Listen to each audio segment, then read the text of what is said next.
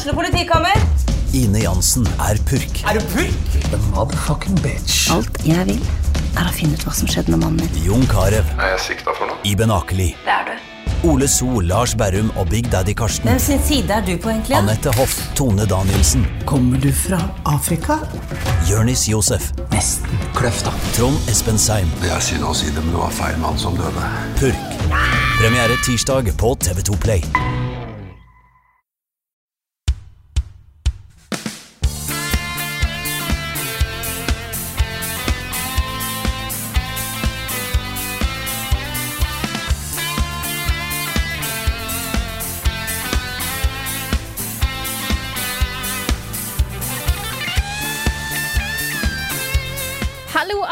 Og velkommen til en ny episode av podkasten Level Backup med meg, Frida Danmo. Og denne gangen her ser jeg ikke feil, for nå har vi faktisk med oss Karl Martin Hogsnes og Rune Fjell Olsen. Hallo, folkens. Hello. Oh yeah. Carl er tilbake. I'm back. Velkommen Yes. tilbake. Thank you, thank you. Det er, Har det vært uh, bra, eller? Ja, altså det har vært utrolig deilig og holdt på å si nødvendig å ta en liten, eh, liten timeout. Men jeg har merka helt siden egentlig første dagen at jeg savner jo Jeg savner jo alt. Altså ikke bare podcasten, jeg savner streams, jeg savner eh, det å sitte og skrive på ting, det å teste spill. Teste spill har jeg for så vidt gjort, da, for jeg har spilt masse på fritida. Men eh, nei, det er, Det er det er vanskelig å ta, å ta pause fra level up fordi det er så gøy. Ja, ikke sant. Og jeg sitter liksom, jeg har hørt på podcastene og sett på streamene og liksom bare, jeg har liksom klødd etter å være med. Så det, Sånn bilder av deg som går rundt eh, med podkasten på øret, sånn og regner, og det er liksom en enslig tåre ned ja, kinnet ditt. Og, det er den, der, ut den, den, giffen, den giffen av David Tennant i regnet. Ja. ja. Det var den.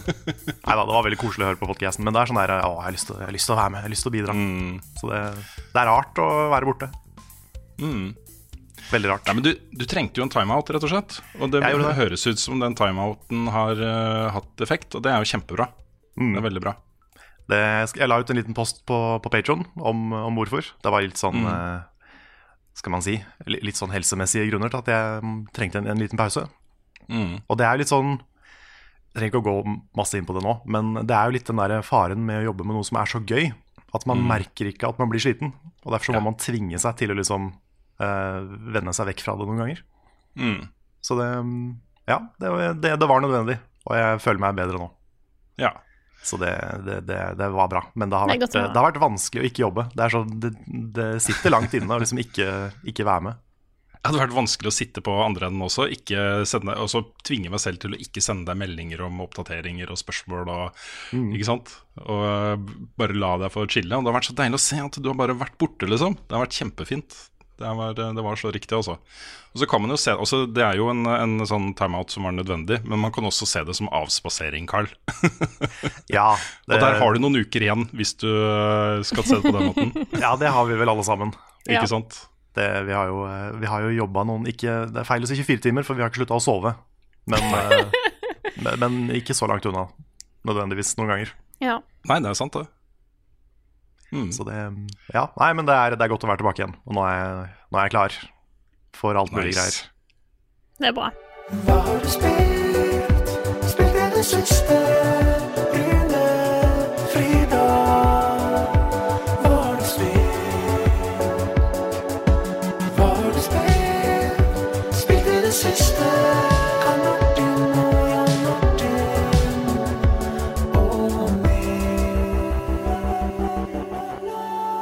Vær så god, Rune. Ja, jeg har jo da spilt Death Stranding. Nå har jeg teasa det i flere uker. Ja. Ja, jeg må begynne med en, eh, en eh, beklagelse, som også er en sånn herre Ok, nå har det kommet masse nyheter om spillutgivere som utsetter spill fordi de må få det helt ferdig. Jeg blir også nødt til å utsette Death Stranding-anmeldelsen min, den ferdige anmeldelsen, fordi jeg rett og slett ikke har rukket å komme, kommet meg helt gjennom. Så den kommer da seinere. Den kommer før lansering da 8. november. Og jeg tenkte i og med at det var en uke før lansering, embargoen vår, så tenker jeg da får det være greit. Men jeg har også uh, spilt ca. 20 timer, og jeg er halvveis. Så det er en ganske beefy spill, da. såpass, ja. Ja, så jeg har en del ting å si om det som jeg tror kan være greit for folk å vite. uh, som går inn i dette her. Fordi nå kommer det til å komme masse anmeldelser. og det første jeg vil si, er at det dere ser i de anmeldelsene Og det er mulig at jeg på en måte bryter litt den avtalen uh, nå. Oi. Ja, uh, men den stipulerte at hvis du skal ha anmeldelsen ut til 1.11., så kan du ikke vise noe fra siste halvdel av spillet. Også fra etter et visst kapittel, da.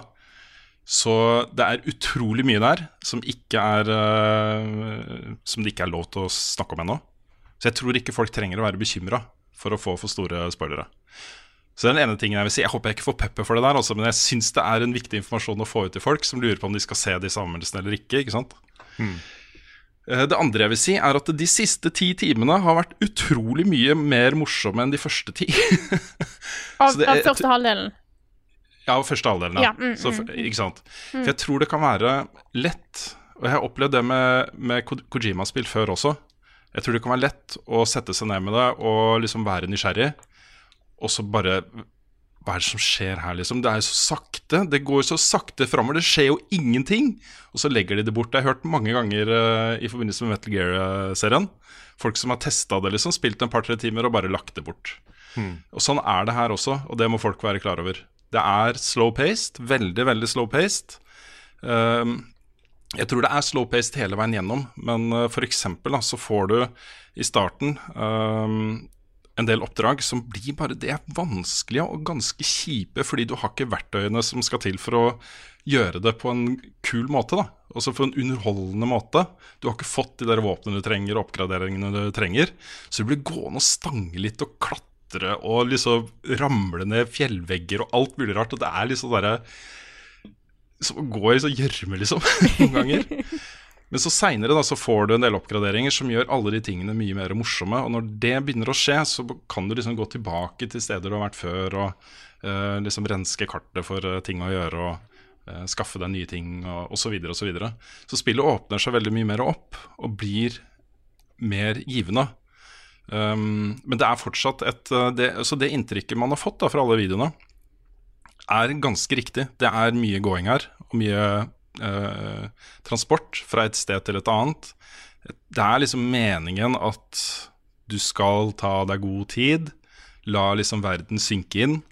Eh, og til og med så er mye av det som kan kalles bosskamper, er optional. da Du kan velge å snike deg forbi, og jeg syns det er dritkult. da Det er utrolig intenst. Du vet at ok, hvis du ikke klarer det, så må du liksom være forberedt på en skikkelig kamp. da Um, og når du har klart det, så er det ganske fett. Da. Så det er sånn du kan velge litt.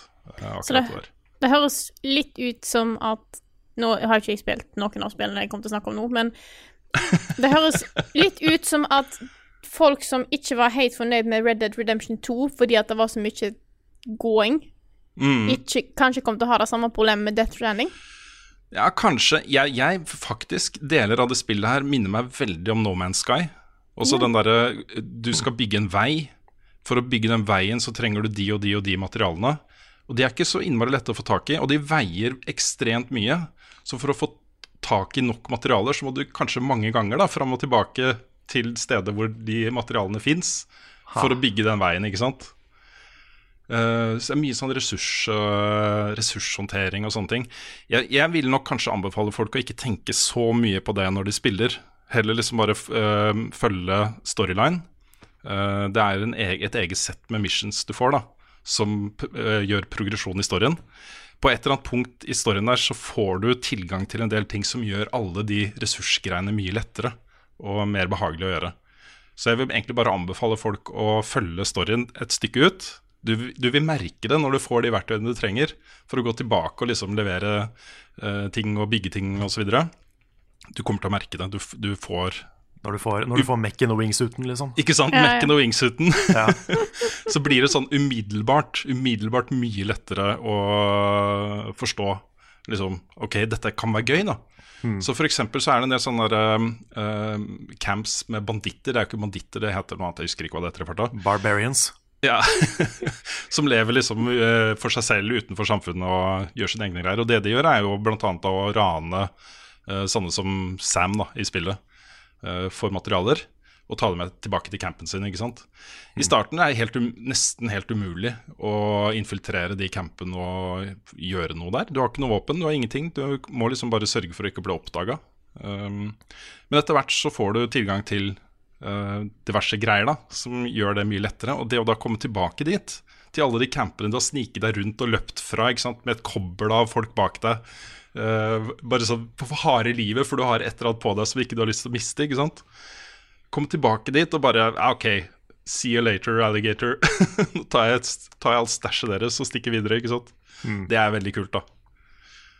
Ha. Så ja, de tingene hadde jeg lyst til å si. Og så har jeg lyst til å si uh, en siste ting.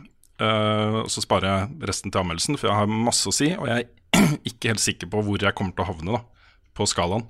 Fordi det har variert så veldig. Noe av det er liksom amazing, Uh, og så har jeg kjeda meg litt innimellom. Uh, men jeg føler liksom at nå begynner spillet å komme litt sammen, da. Og bli noe mer.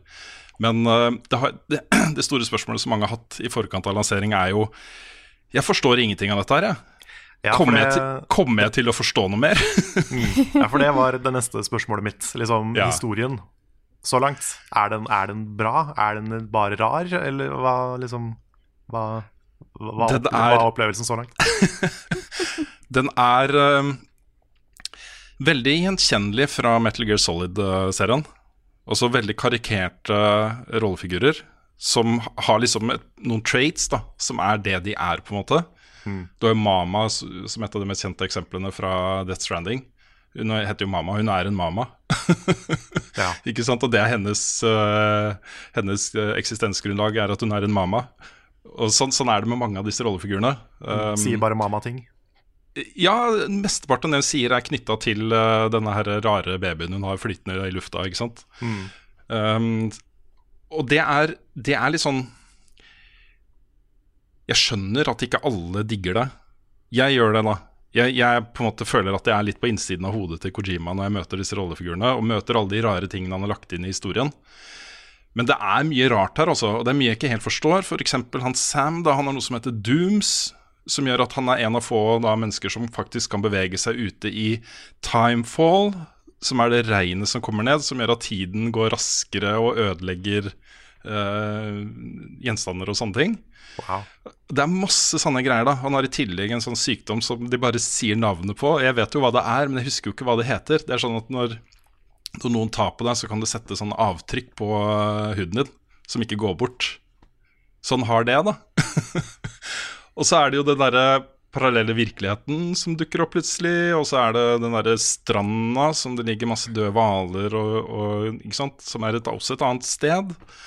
Så har du Fragile som driver og hopper fram og tilbake, ikke sant? teleporterer rundt omkring.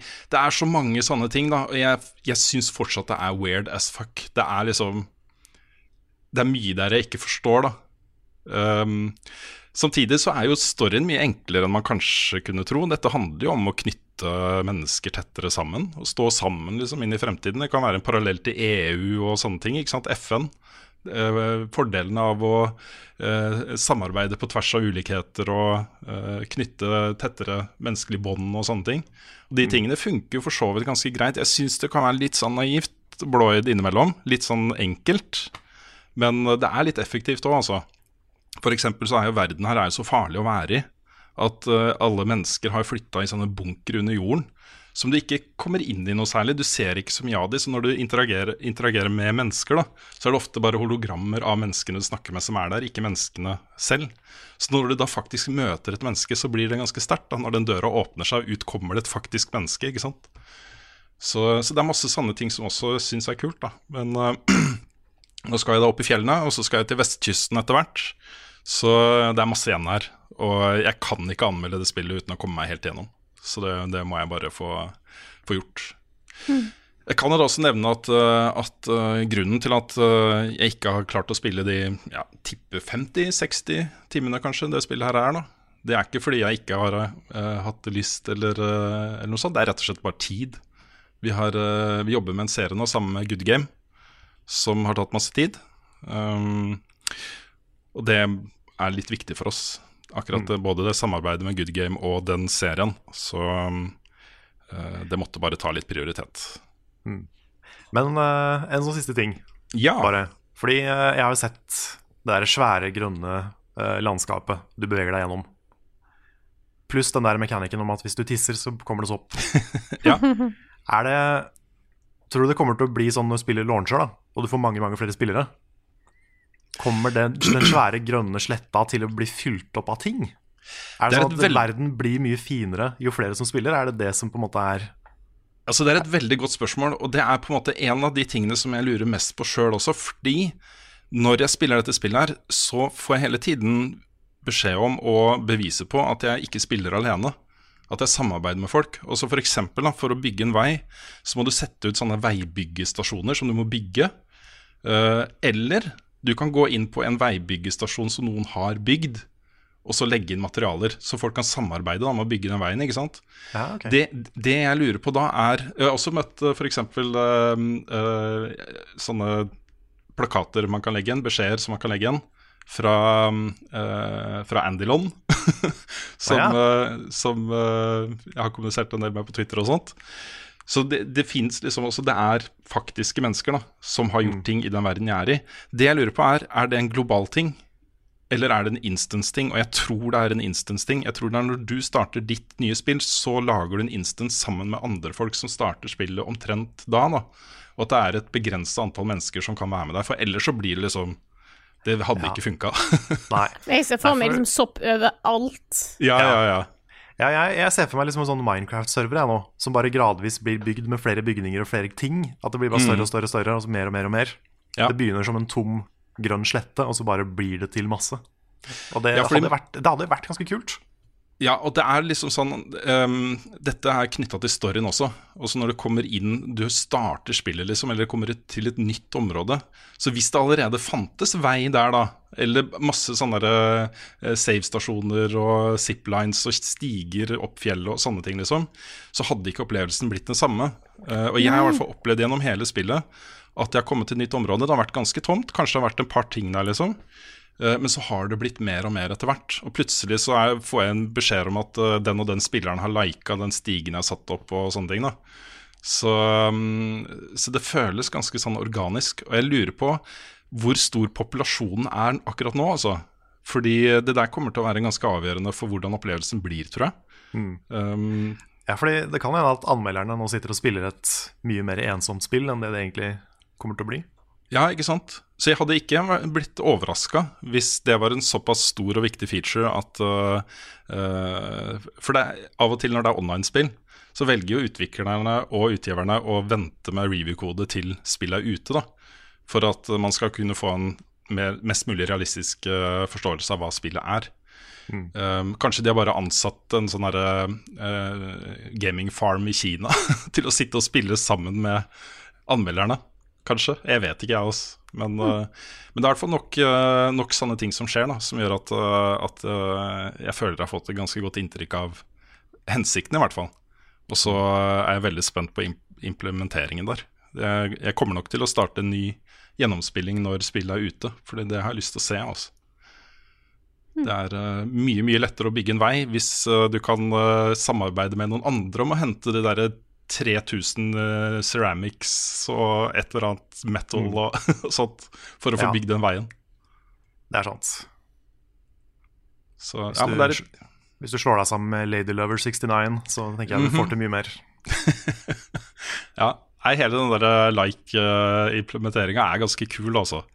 Den er jo også ganske japansk, men, men på en god måte. Det, det syns jeg er gøy, da. Det er sånn alt du kommer over. Du kan trykke på touchpaden på kontrolleren, så legger du inn en like. En? Om noen har lagt igjen en eh, beskjed eller en, eh, et, en gjenstand eller uh, satt opp en konstruksjon eller hva som helst, da kan man bare trykke på like. Så kommer det en stemme som sier 'like'. Så det er ganske kult. Mm.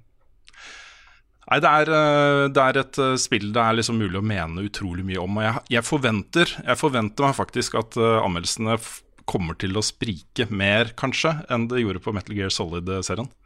Det er um, Jeg vet ikke om jeg kan si at Death Stranding er for alle, altså. Det er liksom, Jeg tror du må være både i en viss modus for å spille det, og av en viss type gamer for å nyte det. Ja, ja, det er ikke sikkert en, eh, en college dude som spiller eh, Fifa og Halo, eh, kan sette seg ned med Death Stranding og så bare Dette er fett. Nå snakker vi ikke om, sånn, eh, som liksom-? En spesiell type gamer som eh, at vi gatekeeper folk her. Det er mer da Nei, nei, nei. det spørs jo hva type spill du liker. Mm. Bare som det er sagt. Ja, ja, ja. Det, det, det er sant. Ja. Nei, det er sånn sett så mener jeg egentlig at uh, No Man's Sky-sammenligninga mi er ganske valid. I hvert fall på hvordan gameplayet føles. For det er litt det samme. Du kan oppgradere til nye kjøretøy etter hvert. Og eh, få liksom bedre framgangsmåter eh, rundt omkring på kartet etter hvert. Eh, bedre tools. Du kan oppgradere med nye mods. Sånne ting, liksom. Det, er, ehm, det er litt den samme følelsen det ga meg, altså. En tom verden, ikke sant. Det er ikke så mye mennesker der. Litt sånn alien. Mm. Nei, Det blir spennende. Jeg er veldig spent på hvor det bærer. Jeg har en følelse av at uh, siste halvdel uh, er ganske fet, altså. Så um, det blir Ja, spennende. jeg er dritspent. Jeg håper jeg rekker å kjøre gjennom det før eh, Pokémon kommer. Det er en uke, Mm. før, uke før jeg skal anmelde det. Ja, da vet du da. Jeg tipper 50-60 timer ish. det. Det er ikke sikkert det går, men jeg får prøve. ja. Ja, Det er nesten to hele arbeidsuker, det, Carl. Det er det. Det blir nok Mm. litt sånn kveldstid, kosespilling. Ja, ikke sant. Det, det er det det må bli. Mm. Yes, det var meg. Jeg har, jeg har ikke spilt så mye annet, for å si det sånn. Så, Jeg kan, ta, eh, kan jeg ta min litt kjappe midt imellom her? Det kan Mm. du. Eh, for du har sikkert spilt litt forskjellig de siste ukene, Karl, så jeg tar noe. Det har jeg. Uh, jeg har fortsatt på Children of Morta. Jeg uh, snakka siste uke om at jeg har skjønt hvordan du skal spille dette, og da har jeg. Så jeg hadde en kveld her nå, mandag og tirsdag, der jeg kom Jeg spilte gjennom alt fram til siste boss. Og hvem skulle trodd at siste boss i et spill som er vanskelig, er så jævlig vanskelig? Herregud. Så der sitter jeg fast nå, da. Um, så da er, da er på en måte eh, min utfordring. Men eh, nå er på en måte Jeg tror jeg har sett det jeg trenger, føler jeg, da. Så nå er jeg litt opptatt i dag og i morgen, og så drar jeg til Oslo. Så jeg prøver å få skrevet den anmeldelsen og kanskje gjort litt annet på toget til Oslo. Fordi at jeg har jo det problemet at i dag, 31. oktober, så kommer jo Luigi's Mansion 3. Så nå er det en sånn veldig sånn interessant overlapp her nå, så jeg håper å få ferdig den anmeldelsen så fort jeg kan. Eh, jeg får ikke begynt på Luigi's Mansion egentlig før jeg kommer tilbake fra Oslo, fordi at jeg får ikke tatt opp gameplay eh, når jeg er på toget. Så det er litt synd å begynne på det da, så jeg prøver liksom å få, få ut anmeldelsen og så begynner på Luigi's Mansion. Da blir den utsatt noen dager, men sånn får det være. Så det er min, min plan nå, da. Uh, in life. Så det, det kommer anmeldelse av Children of Morta, hvis ikke noe annet Hvis ikke noe annet måtte plutselig tar opp livet mitt. Uh, og så skal jeg spille Luigi's Mansion. Så det er på en måte en liten sånn Hva anmeldelser kommer? Det er da. Eh, bare som sagt Nick har vel tatt Outer Worlds, så eh, vi får ikke snakke noe om det nå, men han har begynt på det i hvert fall, så vet dere det. Ja, det og Call of Duty Modern Warfare. Stemmer, stemmer, stemmer. Jeg tror han tar COD først, Ja. og så Outer Worlds. Men han Ja, skal stemmer. ta begge, så det, det er fett. Så vet dere da, så vi får nok se om jeg får tatt med Nick her en gang, bare for, så han får snakke litt om det òg. Mm. Men da gir jeg stafettpinnen videre til Carl. Ja. Jeg, jeg tror ikke jeg skal gå i dybden på alt jeg har spilt de siste ukene, Fordi da kunne jeg spilt inn en hel podkast aleine. Ja. Det er ganske mye forskjellig. Men jeg, jeg, kan jo, jeg kan jo begynne da med en ting jeg tenkte jeg skulle prøve å få laga en anmeldelse av. Fordi eh, nå må dere bare holde dere fast i stolene, så ikke dere fyker opp en etasje her. Fordi eh, i går, bare for å bruke et, et eksempel, så sto jeg opp, og før jeg gikk i dusjen, og før jeg spiste frokost, så trente jeg. Begynt på Ring Fit. Jeg begynte på Ring Fit Adventure. Nice. Hvordan er, hvordan er livet ditt nå som, som ny og bedre treningsmann, Karl? Nei, det, jeg er støl. Jeg er veldig støl. Jeg har vært støl hele uka. Uh, og det er Altså, det, jeg er jo ikke kvalifisert til å si om dette er et bra treningsapparat eller ikke. Jeg kan jo veldig lite om liksom, riktige øvelser og trening og sånn. Men jeg blir sliten. Det skal ikke mer til enn liksom kanskje sånn 20 minutter i det spillet, så er jeg svett og sliten. Og eh, det funker jo, tilsynelatende. I hvert fall så vidt jeg kan se. Det, du får mye informasjon om liksom alt fra kosthold til uh, riktig positur. Alt mulig. Som spill så er det veldig enkelt. Det er liksom du, du skal løpe for å løpe, og så kan du skyte sånne så, sånne kuler med å liksom trykke inn på den ringen. Som du, du får en sånn svær ring som du skal holde. Og den, kan, den er litt sånn eh, wobbly. Så du kan, du, kan, du kan presse den inn, som er tungt, og du kan dra den ut, som også er tungt. I tillegg så får du en sånn strap på, på låret, som jeg slitt litt med at driver og sklir ned. Så jeg må finne en bedre måte å feste den på. Eller få litt eh, større muskler. Og det kan jo ringfit Fit hjelpe deg med. det òg, for så vidt. Mm. Så um, du, kan, du kan stramme den en del, altså. Det er ikke det, er ikke det at jeg har for, for tynne bein.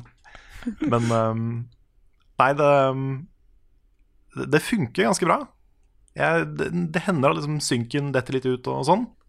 At jeg fortsetter å løpe, men figuren min stopper. Så bare Ja, men jeg løper. Så um, det, er ikke, det er ikke helt perfekt. Men som et treningsspill så, så er det jo liksom Jeg tror det er det beste som har blitt laga i den kategorien. Wow.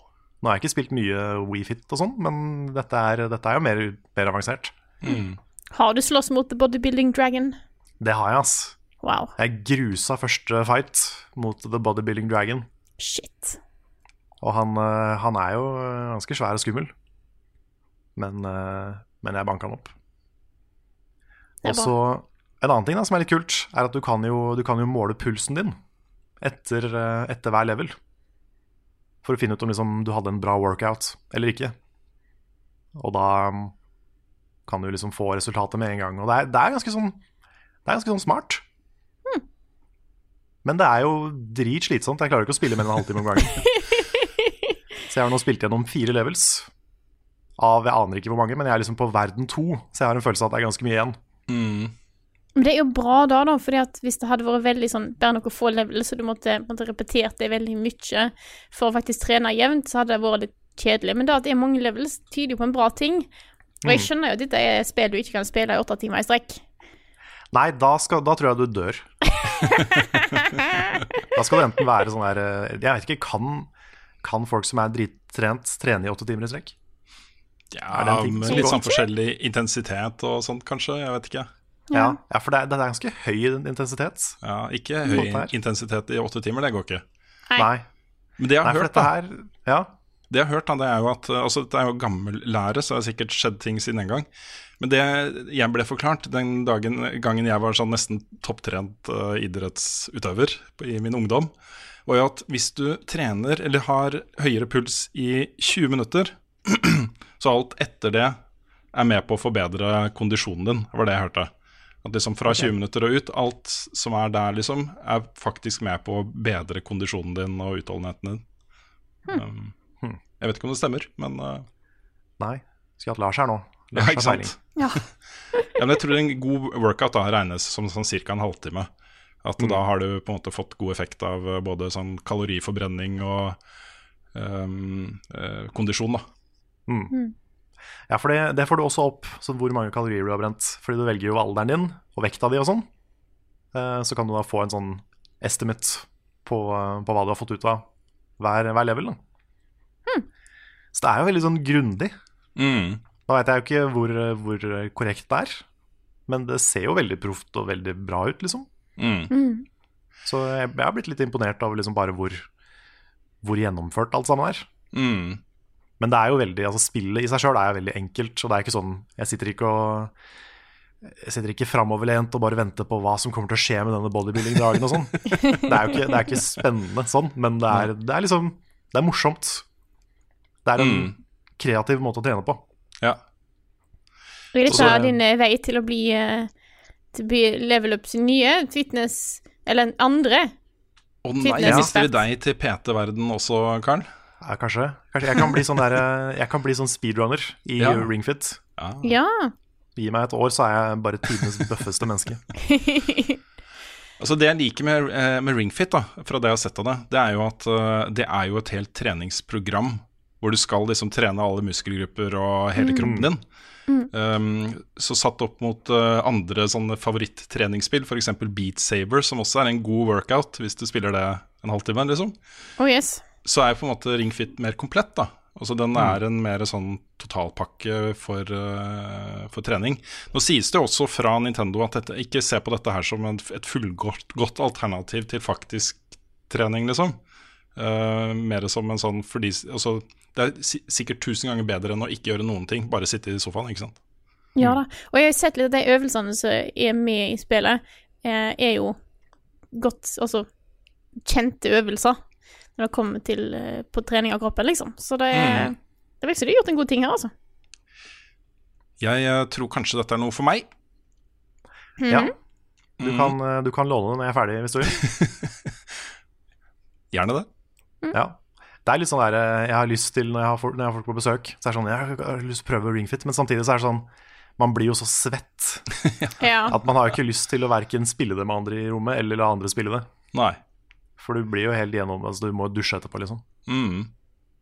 Så det er, det, er akkurat det er sånn Du kan ikke bare plukke det opp midt på dagen og så bare gå ut etterpå. Nei. Det Det er, lukter en, litt, det er en eh, treningsøkt. Lukter litt morsom eh, anmeldelse av dette her, Karl.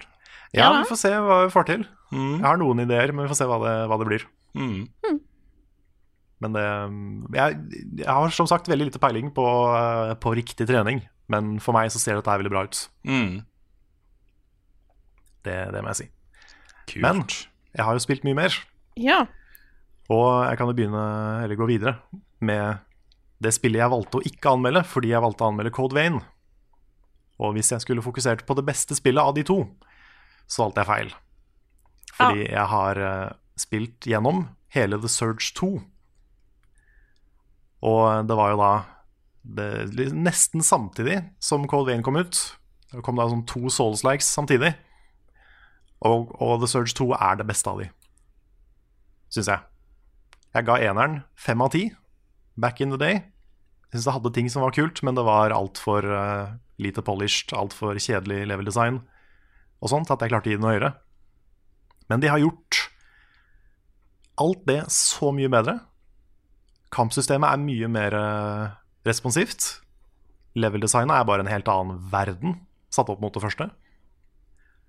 Og storyen er fortsatt litt, litt sånn meh. Den er ikke kjempespennende. De, de prøver seg på en litt sånn Souls-historiefortelling med, med sånn audiologs istedenfor item descriptions.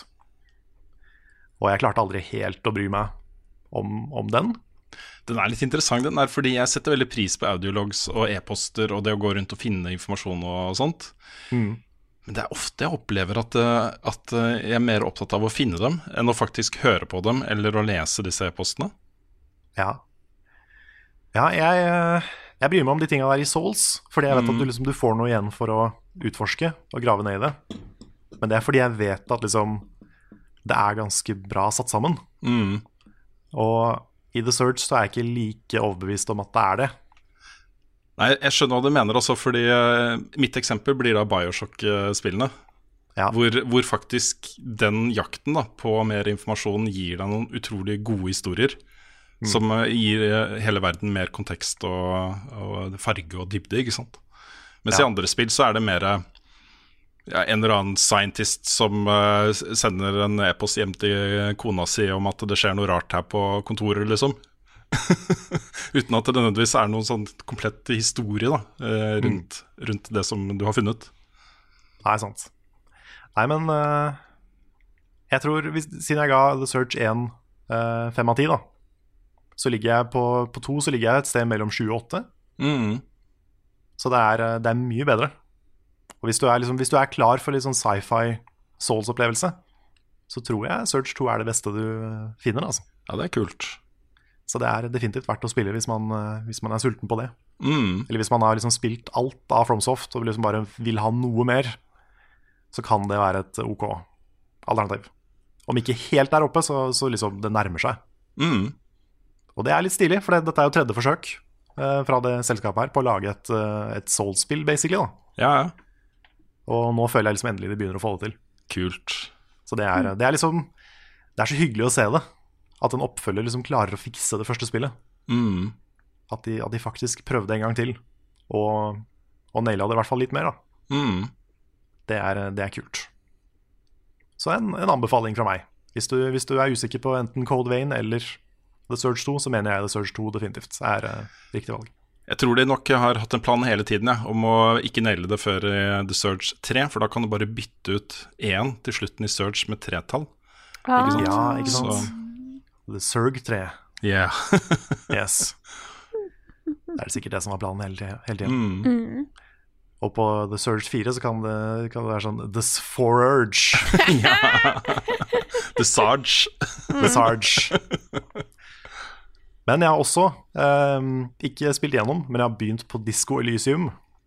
Og det har dere prata om allerede i podkasten. Ja, nice. Jeg elsker det spillet. Ja, samme her, ass. Det, det manuset, og bare det- den dialogen og de valga du får, og hele den pakka der, er bare så utrolig bra skrevet. Mm. Og situasjonene du havner i Du er jo en sånn derre Ikke bare f drunk, eh, sliten kopp, men også litt sånn deprimert, eh, veldig langt nede, veldig sånn dyster og trist hovedperson. Mm. Som våkner opp uten hukommelse og liksom må plukke opp bitene av hvem han er. Uh, men hvor fullstendig blåst du har muligheten til å være i det spillet, det er, det er veldig morsomt. Mm. Du kan jo uh, for eksempel, altså Jeg sleit om at jeg ikke hadde penger. For du har jo en, en regning på hotellet, for du har rasert hele hotellrommet i fylla. Det er, sånn, det er sånn spillet begynner. Ja, ja. Uh, og jeg prøvde litt, begynte å pante flasker for å få penger. Jeg liksom bare fløy rundt og bare prøvde å få penger der jeg kunne. da Men det var ikke nok. Så uh, jeg fant en sånn pawnshop hvor du kunne selge ting. Og uh, tidligere i spillet da, så hadde vi funnet det, var et, det er et mordmysterium, dette her. Så vi driver og liksom prøver å finne ut av hva, hva er det som har skjedd med det, det liket her, som henger i et tre. Eh, så tar da partneren Ken Kitsuragi, som er eh, tidenes bro, sånn på, på en god måte, han er, han er kompis. Mm. han eh, tar et bilde av merkene han har på brystet sitt, han offeret, for det er kanskje et clou, ikke sant? Og så gir han deg bildet, da, sånn, ta godt vare på det bildet her. Dette er viktig bevismateriale. Så jeg flyr rundt i byen og prøver å liksom sanke inn noen penger, og så går jeg inn i pawnshopen og er det noe jeg kan selge? Jeg har dette kule bildet av et lik, da. så jeg kan liksom selge til han. Og det er, det er bare sånn, Du kan være så uansvarlig, og du kan være så dum. Jeg bare elsker at du får muligheten til det. Ja, det er kult også. Det er så, det er så funny, og det er, det er så smart, hele spillet. Mm. Det er en sånn, jeg føler det er Det er en sånn naturlig utvikling for point and click eventyrspill. da. Mm. Så hvis du savner de fra, fra gamle dager, så er jo det her perfekte spillet. Ja, for det var litt mitt poeng også, fordi det blir jo solgt som et, eh, et RPG, dette her, et rollespill. Ja, Men for meg så har var det jo- Det har jo litt av det også. Du har jo sånne DND-type stats, nesten. Ja, ja, ja. Du, du kan kaste terning på, på Mm. options i dialog også. Så det er, det er selvfølgelig Jo, ja, det er et rollespill også, men for meg så var det et, et, eh, som du sier, liksom, en forlengelse av pek og klikk-sjangeren. Ja. Det var dialogen i seg selv og det å liksom klikke rundt på kartet for at uh, figuren skal bevege på seg, sanne ting liksom, som gjorde at jeg connecta med det. Mm. Ja, samme her. Det, var liksom, det er den delen jeg har mest erfaring med også. Mm. Jeg har ikke spilt så mange sånne type PC-rollespill.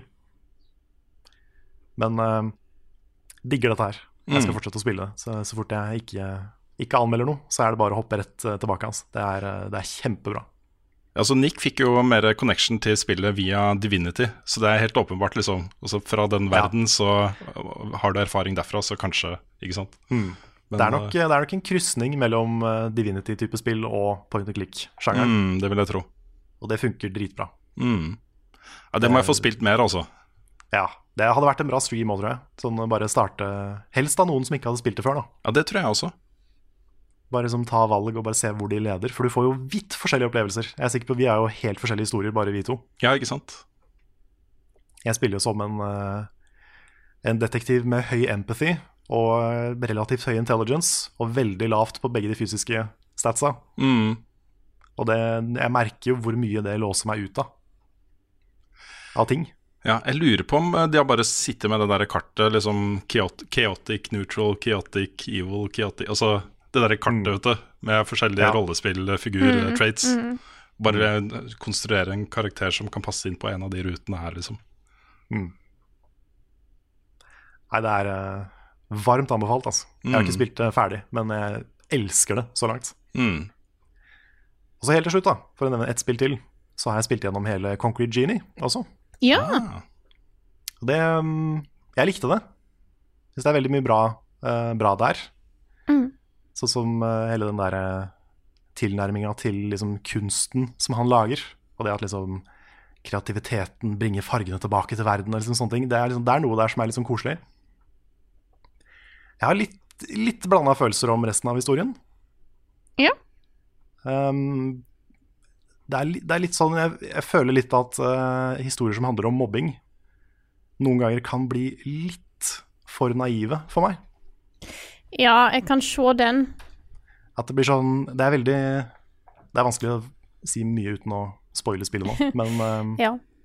men det er litt den derre Veldig ofte i sånne historier om mobbing så blir Så får mobbeofferet eh, oppgaven om å fikse mobberne sine. Og det syns jeg ikke nødvendigvis er så bra. Selv om ikke det er så kanskje direkte, så er det der. Mm. Og det har jeg litt issues med. Det Ja, sånn fra virkeligheten, ikke sant? Ja, ja altså det, det, det budskapet, liksom. Mm. Om at eh, nei, hvis du blir mobba, så må du bare forstå de som mobber deg. Og det er din oppgave. Den er liksom Den gir meg den, It rubs me the wrong way, litt. Grann. Mm. Ja, og jeg, det, det, jeg sitter igjen med da på slutten, er liksom at jeg syns på en måte hovedpersonen egentlig bare fortjener bedre venner. ja. Ja. Jeg Altså, kan se den. Det var liksom ikke det som var eh, for meg Jeg skjønner hva du mener. Mm. Um, er det altså for meg var ikke, vik- var ikke liksom det viktigste. For det, altså jeg, men jeg, jeg visste jo da jeg eh, anmeldte at dette er et spill som på en måte Det connecta veldig med meg, men ikke nødvendigvis historiebiten i seg sjøl, men mer gameplayet. Det, og så eh, Det Mm. Ja, for det- det likte jeg veldig godt. til. Ja, så det spørs liksom hva en vektlegger, men det var bare akkurat da. Jeg kan, jeg kan skjønne veldig godt hva du mener. Eh, mm. på Jeg historiebiten. jeg Jeg, liksom står fortsatt for karakteren min, men eh, Ja, ja, ja. Mm. Det, jeg skjønner veldig godt hvorfor du ga det det du ga det. Mm. Og eh, det er jo en sånn Skal man si eh, Det er jo en ting jeg vektlegger fordi jeg vektlegger det, liksom. ja. Så det, det er jo mange som ikke ville tenkt over det sikkert i det hele tatt. Men det er en sånn ting som, som jeg er litt bevisst på da, i den typen historier. Så det treffer kanskje meg litt mer, Mm. akkurat den delen. ja, det kan jeg skjønne. Mm.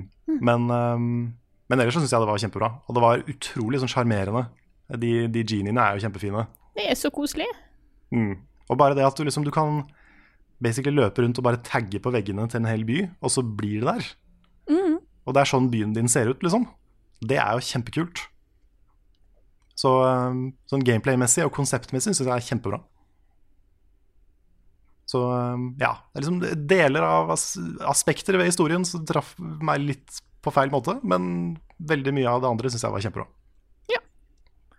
Det er sikkert enda flere spill jeg kunne snakka om, men jeg tror ikke jeg skal gi meg der så ikke podkasten blir tre timer lang i dag. Ukens anbefaling. Hva skal jeg finne på? Ukens anbefaling.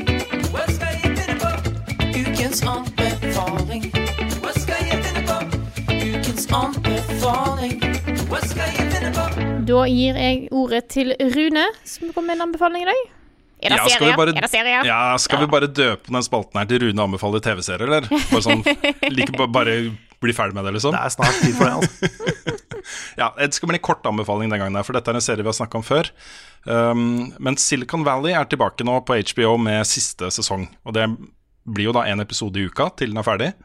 Um, jeg jeg syns uh, den første episoden var dritbra, og det er grunnen til at jeg har lyst til å anbefale den. Fordi den serien her starta jo litt som en sånn derre satirisk kamprop mot Google, mot Facebook, book, mot alle de som liksom sitter med altfor mye informasjon om oss selv og bruker det som en kommersiell asset. da Um, eller enda verre ting. Altså, det at uh, Google og Facebook og alle disse her eier så mye av oss, er et stort problem. Og det var der serien starta, da, som en sånn satirisk blikk på det. Og så er jo, Jeg syns serien har vært god hele veien, selv om forrige sesong kanskje var litt sånn litt laber i forhold til de andre. Men de har jo mist... Ja, jeg også likte den bedre og bedre etter hvert. Jeg syns Mm. den starta litt dårlig, og så siste halvdel syns jeg var ganske god. Uh, men uansett, da, den serien har jo på en måte ikke mista fokus, kanskje, men det har ikke vært så sentralt lenger. Det derre ønsket om å skape en bedre verden gjennom et nytt desentralisert internett, hvor brukerne selv eier sine egne data, og hvor de, ikke kan sel de dataene ikke kan selges til kommersielle interesser eller myndigheter eller noen, liksom. Det, den kjernen da, er de tilbake ved nå. Og det, det Første episode av siste sesongen starter jo med det. At hovedpersonen er liksom på en høring i Senatet ikke sant, og blir spurt ut, sånn som eh, Zuckerberg har vært opptil flere ganger. Eh, og det er liksom det, det blir jo en sånn derre Kingslayer-tale som han kommer med der, da. Om, om, om, akkurat, om akkurat det. Nå skal vi ta Google. Nå skal vi liksom starte på nytt. Sørge for at uh, disse svære gigantene ikke har balletak på oss eh, lenger. Uh, og jeg er, litt glad, jeg er litt glad for at de går tilbake til den. Da tenker jeg at da er det mulig å lage en skikkelig god avslutning på en serie som faktisk kan bli ganske viktig da eh, for bevisstheten til folk om, eh, om hvordan dataene våre behandles eh, av de greiene vi bruker hver eneste dag, opptil flere gang ganger om dagen. Hmm. Så ja. Jeg anbefaler serien. Har du ikke sett den, så er det vel verdt å ta en kikk. Og hvis du har vært usikker på om du skal se sesong fem, så tror jeg det er verdt å bare Eller er det sesong seks? Nei, det er fem, er Jeg det er ikke? usikker. Ja, ja, det er nok fem. Ja. Siste sesong, i hvert fall. Siste sesong. Ja, det er en veldig, Silk- veldig morsom serie også. Vel, det er noen helt fantastiske scener der, og rollefigurer. Mm. Det er flere som har liksom blitt stjerner da gjennom oppførselen eller opptredenene deres i den serien her. Ja, Så, Jared um, er fantastisk. Ja, det, det er litt kult. Ja. Det er jo uh, Mike Judge er en av de som har skapt det. Det er Beavis and Butted og King of the Ja. Um, men jeg har hørt at veldig mye av dialogen i den serien her er, er improvisert. Oh, ja. Um, det ble kanskje muligens uh, tona litt ned etter at TJ Miller forsvant fra serien. Men, uh, men også det, de andre rollefigurene har liksom improvisert mange av de morsomste scenene i, i serien. Så det syns jeg er litt kult. Siden du sa Beavis and Butthead, kan jeg komme med en liten digresjon? Ja! Fordi jeg har, hadde et spill uh, fra sånn 1997 som jeg spilte da jeg var liten. Da jeg var eh, Eller ja, jeg var sånn midt i tidlig tenåra, liksom. Jeg var ikke det engang. Midt i tidlig tenåra. Er det, er det 14, Nei. da? Ja, det, var, det er enda tidligere. Jeg var, jeg var sånn 12, tror jeg. Okay. Og syntes jo Beavis and Butthead var kjempemorsomt. Mm. Så jeg kjøpte jo da spillet på PC. Beavis and Butthead Do You. Som, eh, som U-en da står for University. Ja. Hvor de skal på universitet og liksom har sånn, de har sånn dag da, hvor de skal finne ut av uh, hva universitetet er for noe. Og jeg huska det spillet som veldig morsomt, fordi jeg var tolv. Og her om dagen så fikk jeg det til å funke på, på en moderne PC for første gang. Det har jeg prøvd å få til mange ganger, men ikke fått det til. Nå klarte jeg det.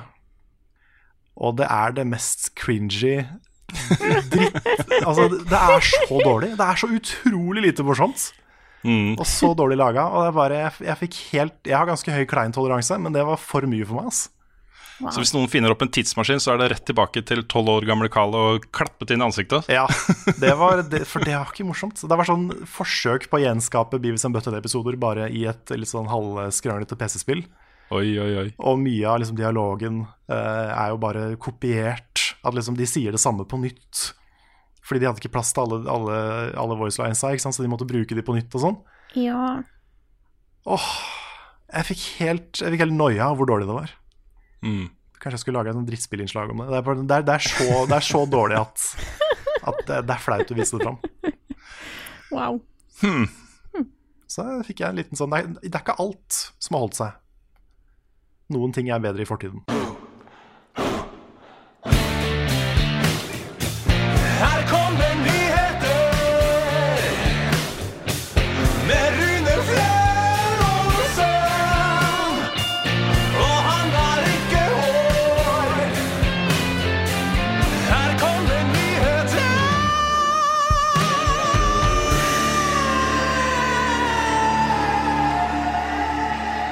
Hva hadde vi gjort, eh, folkens, hvis vi hadde fått eh, noen nye eiere som eh, plutselig bare innførte reklame på alt vi gjør, som med auto- autoavspilling av lyd og video, eh, og hvor hvis vi protesterte, så bare kom de inn og sletta liksom alle protestene våre og nekta oss, og kanskje til og med ga oss sparken, da, hvis vi var for kritiske til det. Hva hadde vi gjort da, folkens? Høres ut som en drømmetilstand. Ikke sant? Ja. Det høres ut som akkurat sånn vi vil ha det. ja. ja, det er jo da tilfellet for eh, Kotaku. eh, og flere andre eh, sider da, som jeg ikke kjenner så godt. Annet en sånn sportsside som heter Deadspin. Det er vel de to sitene i det nettverket som er uh, hardest ramma av, av at de har fått nye eiere. Er det, er det Gawker Media. Gawker Media, eller? Er ti, altså, det er en sånn derre um, private equity-gruppe som heter GO Media, som tror jeg kjøpte opp hele Gawker-nettverket. Ja, okay, sånn. Jeg kjenner ikke bakgrunnshistorien så godt, da, men det er i hvert fall nye eiere på plass der. Mm. Uh, og det var det de gjorde. De innførte da uh, annonser på alle sidene i uh, nettverket sitt som bare sånn autoavspilling med lyd og video, ikke sant. Som, det, det er jo helt forferdelig. Ja, altså Og- auto, Autoavspilling er én ting, men med lyd er jo helt Med krise. Ja. Ehm, nå vet jeg det skjedde noe ikke så ille, men noe tilsvarende med gamer eh, for en stund siden. Jeg, mener, jeg husker at det var noe snakk om at det plutselig kom liksom innhold på siden her som eh, redaksjonen i seg selv da, ikke eh, hadde noe med å gjøre i det hele tatt. Det Bare i forbindelse med, eh, med nettverket, liksom. Eh, og det er jo en veldig vanskelig situasjon å være i. Og i hvert fall hvis ikke du får lov til å si fra til leserne dine om at du ikke har noe med det å gjøre, eller at uh, dette er vi uenig i, eller altså dette er ikke oss. Mm. Dette er ikke alle journalistene på gulvet uh, sin skyld, dette er eierne våre. Uh, og det ble jo skrevet sånne poster, da. På alle disse sitene ble det skrevet poster om akkurat det. Som jeg syns Jeg har lest den posten. Den er jo fjerna nå, da, fra eierne. Eierne har fjerna den posten. Eh, men den var veldig saklig og oppfordra folk da, til å si fra til eierne på en høflig måte. Så sikkert alle tar den oppfordringa på strak arm. Eh, men det var en, en grei måte å få fram at vet du hva, dette er en uting. Vi er uenige, vi vil ikke at det skal være sånn. Vi håper at, det, at eierne endrer oppfatning. da. Eh, men det som dette har medført, er jo en isfront da, mellom innholdsskaperne på disse sidene eh, og eierne. Hvor det er veldig steile fronter. Det er jo eh, editor i Deadspin som har fått eh, sparken. Eh, og der var saken litt annerledes. Det er en sportsside hvor eh, eierne hadde gitt klar beskjed om at de bare skulle skrive om sport, og ikke noe annet som opptar dem. da. Uh, hvor det kom et pålegg som han editoren eh, sa nei til, og så fikk han sparket. Jeg vet ikke, jeg kjenner ikke hele historien der heller. Men det er i hvert fall altså, her, her har du pengene, liksom. Du har eierne som sitter med liksom, profitt som hensyn, og så har du innholdsskapere som sitter med liksom, redaksjonelle um, vurderinger, ikke sant? og ansvar overfor leserne og seerne sine. Uh, og når den avstanden blir for stor, så medfører jo den type problemer. da. Og jeg, Det som er interessant her, er jo at jeg, jeg vet det fins folk, i særlig Kotaku, det er det jeg kjenner best, da, som ikke finner seg i en sånn situasjon, hvor eh, siden deres blir dratt ned i gjørma av eh, profitthensyn, eh, hvor de er opptatt av liksom innholdsproduksjonen og det innholdet, eh, innholdet de kan stå for. Så jeg forventer meg at enten så må eierne her eh, eh, snu og, få en litt mildere tone overfor eh, de mediene de eier, eller så kommer du til å se frafall også. Fra store, prominente journalister, og kanskje til og med hele sider som, eh, som ikke, ikke fortsetter. Det er, det er sant. Du har jo Jason Schreier i Kotaku. Han er jo en av de flinkeste spilljournalistene vi har, rett og slett. Han, eh, han, er jo, han graver seg jo ned i spillindustrien på en måte og med en reach eh, som veldig få har. Mm. Han har tilgang på så mange stemmer og har eh, breaka mange viktige saker. Mm. Ja, uten tvil. Og så Nå er ikke jeg noen fast leser av Kotaku. Jeg er en fast leser av eh, Jason Schreier, Mm. eh, men ikke av Kotaku generelt. Og det er jo eh, Det står mye rart der også. Og en av de tingene som jeg har Jeg har lest mye om den saken her nå de siste par dagene. Og det finnes jo sånne publiseringskrav, ikke sant, om å ha én ny sak i timen og, og sånne ting. Og det kommer jo da fra de som jobber i Kotaku, mm. som forteller om dette her. Og da er det jo ikke alltid de har noe fornuftig å skrive om, ikke sant. Og da blir jo resultatet at de snakker om uh, hvem som har størst penis i Super Mario og sånne ting, liksom. Så jeg, jeg er ikke helt sikker på om det var et ekte eksempel, men jeg tror det. Jeg bedre husker jeg har sett en sånn type overskrift. Jeg har sett noen sånne spennende sexartikler. Jeg har det. Ja, ikke sant. Men det, er, ja, det, Så- blir, det blir litt Agurknytt når det er eh, krav om sånne ting. Ja. Nei, men De fyller jo en funksjon som er sjukt viktig da, i spillmediet, og da særlig gjennom uh, Shrier. Men også gjennom på en måte um, uh, en sånn generell, et generelt ønske om å bedre leve- og arbeidskårene i spillbransjen, føler jeg kanskje Kotaku er noen av de fremste uh, innenfor. da. Um, men også for spilljournalister. Det de er jo mye snakk om og, og, fagforeninger og, og sånne ting der, for å beskytte seg selv, da, for å beskytte arbeidsvilkårene. Eh, og det samme har de liksom Pusha har de lagt over på, på spillselskaper. Med crunch og alt dette her. Ja. Jeg syns også de er, de er gode på det å liksom ikke uh, falle helt bort i hype-kultur. Og det er vel sånn på å dekke spill som er ute, og snakke om spill som på en måte er uh, under utvikling, og som, er, som kan spilles, og som er aktuelle nå.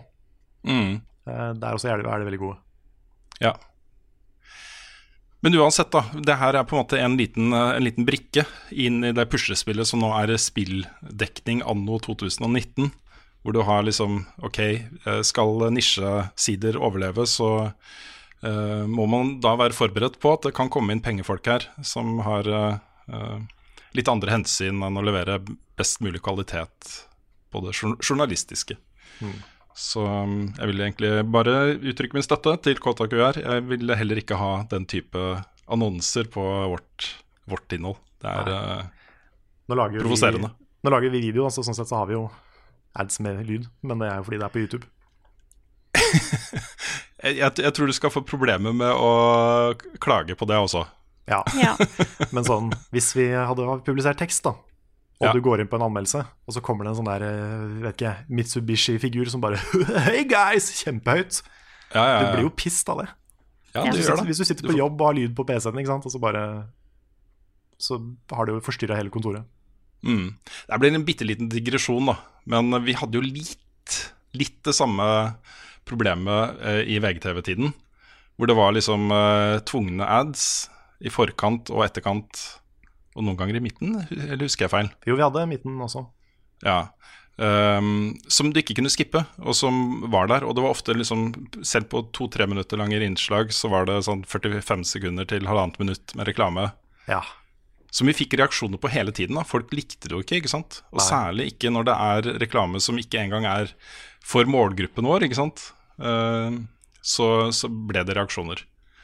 Det er, Mm. det er viktig også at eh, annonser altså vikt, Annonser er viktige, og det var jo det vi sa hele tiden. Ok, jeg, jeg ser poenget ditt, eh, kompis, men eh, hadde det ikke vært for at det var annonser på innholdet vårt, så hadde det ikke vært lønnsomt å drive sjappa vår. Eh, Så det, ikke sant? Mm. Det fins argumenter der òg. Cirka halvparten av kommentarene på VGTV var jo handla om VGTV-spilleren. Ja. At den var, eh, det var ikke YouTube, for å si det sånn. Nei. Litt enklere å akseptere kanskje halvannet minutt med re- reklame i, med det episodelengden vi endte opp med der, men Det er også sant. ja. Eh, liten digresjon, men, eh, men det er viktig. Det er viktig for liksom holdningen eh, lesere og seere har til innholdet de skal konsumere. Så må de ikke gå inn i en artikkel og være forbanna, liksom. Det, det handler om eh, relasjoner ikke sant? mellom media og eh, kundene sine. Mm. Greit. Eh, en Skal vi kalle det gladsak? EA er tilbake på Steam. ja. Mm. Det er en god Første spill ut der blir Star Wars eh, Jedi Fallen Order. Yeah. Mm. Men er det, Det er det er- Steam som har oppdatert noe som gjør at folk kommer tilbake nå, eller er det bare at eh, EA har gitt opp Origin? En kombinasjon, tror jeg. Jeg tror Ja. dette er eh, en forsmak på Steam som kjemper eh, tilbake mot konkurransen fra Epic eh, Game Store. Og det vi vet fra Epic Game Store, er at de tilbyr jo veldig sweete deals til de som velger å gi ut ting eksklusivt eh, der. Jeg har en mistanke, det her er bare en mistanke, men jeg har en mistanke om at uh, Valve uh, har begynt å gjøre det samme. Jeg er ikke At kanskje, skal kanskje- skjer. Nei, kanskje også til og med at EA har fått en bedre cut enn det som er normalt på Steam. Ja, for det er jo For at de skal være der. På Steam Epic Ja. Game Store at uh, på Epic så får du en mye større cut av salget Mm. enn du får på Steam. Ja. Men jeg tror nok også Unnskyld. Jeg tror nok også EA har opplevd at det er vanskeligere å få fart på Origin eh, og Premium Origin og hva er det det heter? Det tjenesten Origin ikke- Access eller noe sånt, er ikke det? EA Access, EA. Origin, Ja. Premium sånt Jeg vet ikke. Pluss. Noe sånt. Extreme 2.0. ja. Ja. Det har nok ikke rent på med betalende kunder der, tror jeg. Um, det Ja. Det er jo en det er en bekymring som folk har, ikke sant? at det blir for mange butikker, for mange inngangsporter på PC-plattformen. Um, og da, hvis du da velger å bare gi ut spillene på den plattform som ingen bruker, så selger du mange færre kopier. Og så er det jo òg en trade-off her på hvor mye EA bruker av penger på å opprettholde Origin-storen, Mm. eh, versus da de må Eller på en måte Hvor er det pengene går, Hva vei er det pengene går nå for at de skal få en avtale med Steam? Er det de som betaler Steam? Valve, eller Valve som betaler deg? Valve betaler dem, tenker jeg. Ja. Ja. Vil jeg tro. Ja. Hvis er de gjør det, da. Mm, men det er jo sikkert at de kanskje For der er, hvis du selger ting på Steam, så tar vel Valve litt av cutten. Så det er vel der det går på trade-off mellom hvor mye penger de mister ved å ha det på Steam, og hvor mye penger de må bruke på å holde Origin i live. Ja, for på Steam så har det jo tradisjonelt sett vært eh, rundt 30 Mm. av salget går til Valve, og resten til eh, publisheren.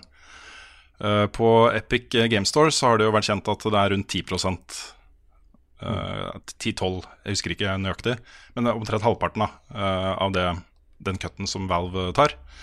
Og det har jo vært en, egentlig den store sånn derre uh, Epic er the good guys-argumentet òg, ikke sant? At er mer penger faller til utviklere, og da særlig eh, indie-publishere, indie-utviklere, som ikke eh, kan se for seg et salg på 20 millioner eksemplarer eh, for å dekke et, eh, kostnaden ved å ha et team på 300 personer som har jobba i fem år, ikke sant. Så Det som er, også er spørsmålet, da Hvis du kjøper Jedi Fallen Order nå på Steam, vil den da launche Origin for så å launche spillet? For det er det verste jeg vet. Ja, jeg, jeg vet ikke. Eh, det, det burde jeg kanskje ha gjort litt mer research på. Men i hvert fall sånn som jeg leste saken, så vil den ikke det. Men eh, Ja, ok. Nei, det er bra. det kan hende. Fordi sånn som Ubisoft for eksempel, har jo vært på Steam hele veien. Mm. Men da launcher da- det via Uplay, Ikke sant? og det er rotete og kjipt. Rotete og kjipt. Ja, greit. Og så er jeg innmari, innmari spent på helgen. Det skjer jo noe her i Norge også. Eh, Du har Spillekspo. De har- Jeg har følelsen av at de har hatt litt sånn problem med å eh, få folk til å liksom forstå at eh, det er en vel eh, En god grunn til å dra, liksom. Også, de, de siste årene har vært mye kritikk, da. Eh, Men det ser ut som de har fått et ganske bra program nå. Um, nå viser det seg at jeg kommer til å ta meg en tur. Kanskje du også, Carl, på lørdag. Eh, hvis vi rekker det. Det er en del andre ting som skjer på lørdag. Jeg skal i hvert fall. Fordi jeg må. Ja. Men uh, eh, ja, vi kommer til å være der. Jeg kommer i hvert fall til å være der. Og så får vi se da om det er uh, liv laga. Men det jeg egentlig har tenkt å si, da, er jo at det er jo BlizzCon i helgen også. Ja, og det det er jeg- Det blir ganske Spent på også. Det er jeg kjempespent på. Dette er liksom litt sånn reality-TV-snev over dette her, altså. Ja, det kan gå i mange retninger. Ja, og det er um, og så Selvfølgelig så handler det jo uh, for vår del også om det, disse her boikottaksjonen mot Blizzard pga. deres holdning i Kina-spørsmål og sånne ting. Men de, de har jo nå lekka, liksom. De kommer, det er sikkert uh, med vilje, men de har begynt å lekke liksom, litt bilder og sånne ting. Og det ser jo ut som de kommer til å avduke Overwatch 2 og Diablo 4. Og det jeg er litt spent på, er på en måte hvordan folk tar imot det. For det er jo mange som er sånn nå Fuck Blizzard, liksom. Eh, De skal aldri få pengene mine igjen fordi de sensurerer og er i, i seng med Kina og sånne ting, liksom. Um, men jeg har tenkt en, tenkt en del på dette her, og det er en sånn tanke som jeg syns er relevant da, og viktig i den sammenhengen. Og det er jo at det fins massevis av folk i Blizzard også som er uenig i hva Activision Blizzard gjør med disse tingene, og hvordan de håndterer den saken. Um, og er det riktig Er det, er det riktig å på en måte boikotte det harde arbeidet til kanskje et stort team med dedikerte folk som eh, legger sjela si inn i spillene de jobber på, eh, fordi morselskapet deres er litt kødd, liksom? Er det, altså det er noe der da som det er verdt å reflektere litt over, syns jeg. Er, jeg tenker at det må være lov å glede seg til Diablo 4 og Overwatch 2, selv om man er uenig i hva Activision Blizzard gjør. Ja. Hva syns dere? Jeg tenker, for dette er veldig vanskelig, for dette er liksom det er handlingene til noen i toppen som fucker opp for veldig, veldig mange kreative, bare veldig dedikerte folk som jobber der. Så det er Det er så vanskelig å vite hva som er på en måte det rette å gjøre i sånne settinger, fordi at for de som sitter på toppen og styrer, så er det jo pengene som betyr noe. Og da er det, er jo dette med boikott og sånn som på en måte kan fungere, da. Men igjen så vil jo da bare på en måte